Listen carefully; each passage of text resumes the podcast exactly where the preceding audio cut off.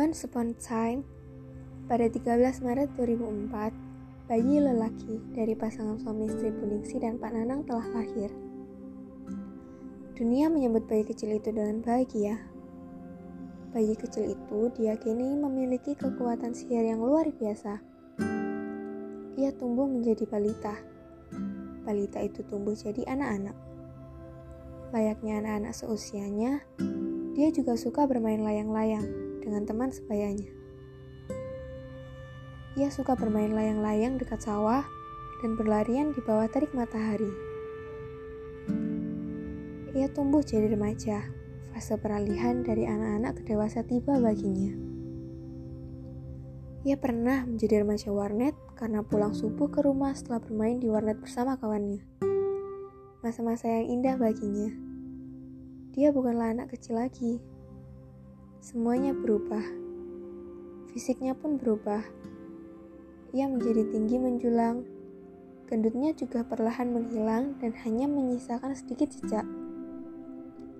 Layaknya remaja pada umumnya, ia juga merasakan jatuh cinta pada lawan jenisnya yang mulai berpacaran dengan anak perempuan yang satu sekolah dengannya.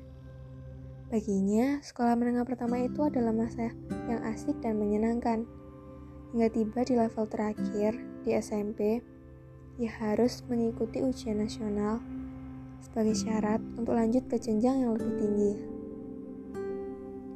Setelah melewati masa-masa sulit, akhirnya ia melanjutkan sekolah ke SMA N2 Kota Mojokerto yang beralamat di Raya Ijen nomor 7 kalau nggak 9, dekat Gelora. Di SMA, siswa mengawali kegiatannya dengan MPLS atau masa pengenalan lingkungan sekolah. Saat kegiatan tersebut berlangsung, tiba-tiba matanya setuju pada seorang perempuan yang berdiri di depan sambil memegang mic. Ada yang beda yang ia lihat dari perempuan ini. Dengan bantuan temannya, ia pun akhirnya mendapatkan nomor WhatsApp perempuan tadi yang memulai chat dengan awalan Save Farel. Tak lama perempuan itu pun membalas, Farel siapa ya? Lelaki itu menjawab, Muhammad Farel. Perempuan itu bertanya lagi, Semanda. Dan ia menjawab, iya Mipa 4. Berlanjutlah mereka chattingan. Namun, si perempuan tak sadar dan hanya membalas chat dengan cuek. Tak lama, perempuan itu menghilang. Kemudian, lelaki itu sempat dekat dengan seorang perempuan lain yang pernah jadi teman tikanya. Mereka pernah berfoto bareng di pantai Kukup, Jogja, dan entah apa yang terjadi di antara mereka hingga semuanya seolah tak ada apa-apa. Hingga suatu saat, pada 17 Maret 2020, ia mereply story perempuan yang memegang mic dulu. Dan lanjutlah mereka chattingan di DM. Hingga akhirnya mereka move ke WhatsApp lagi. Perempuan itu sadar, ia adalah laki-laki yang tepat. Mereka menyatakan perasaan satu sama lain dan terjalinlah suatu relationship di antara mereka.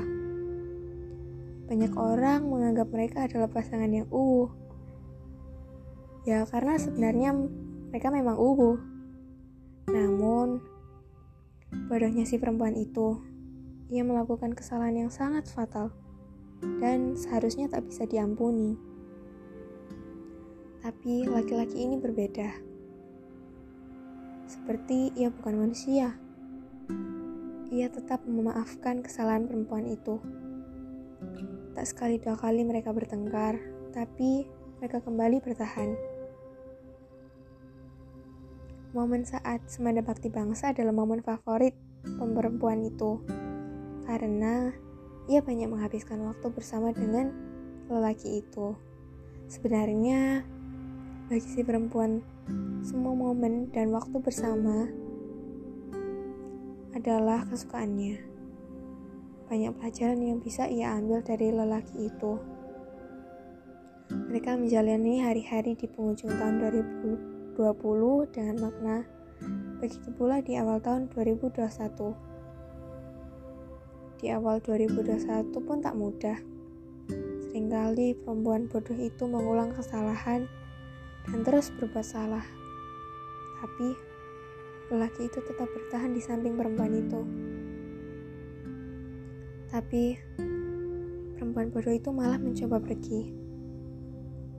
Setelah melewati proses yang terjadi, tibalah hari Sabtu, 13 Maret 2021.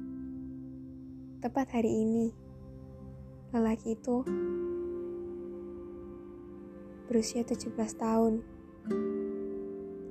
Cukup dewasa, lelaki itu tumbuh menjadi lelaki yang hebat, luar biasa, keren, tampan, cinta alam dan sesama manusia, rela menolong dan tabah. Udah kayak dasar Dharma Pramuka ya. Hai, selamat 17 tahun yang Farel Lemas. Makasih udah jadi manusia kuat. Makasih juga udah melewati semua proses dalam hidup yang gak mudah. Aku percaya Hemas bisa. Tetap semangat ya kantang. Semoga jadi pribadi yang lebih baik dan terus baik. Makasih orang baik. Dini sayang Hemas.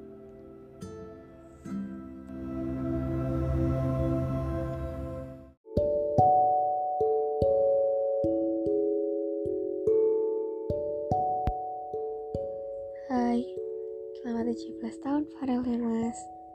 Cie, udah tua. Segera buat KTP sama SIM ya. Makasih. 17 tahun ini udah jadi manusia kuat, manusia hebat. Semoga Hemas jadi pribadi yang lebih baik.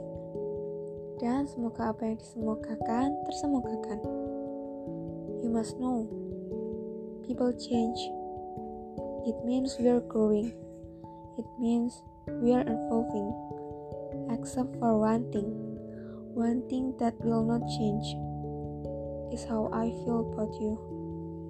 Love is too small word, and no matter who you are or what you become, no matter who I am or what I become, you will always be the love of my life.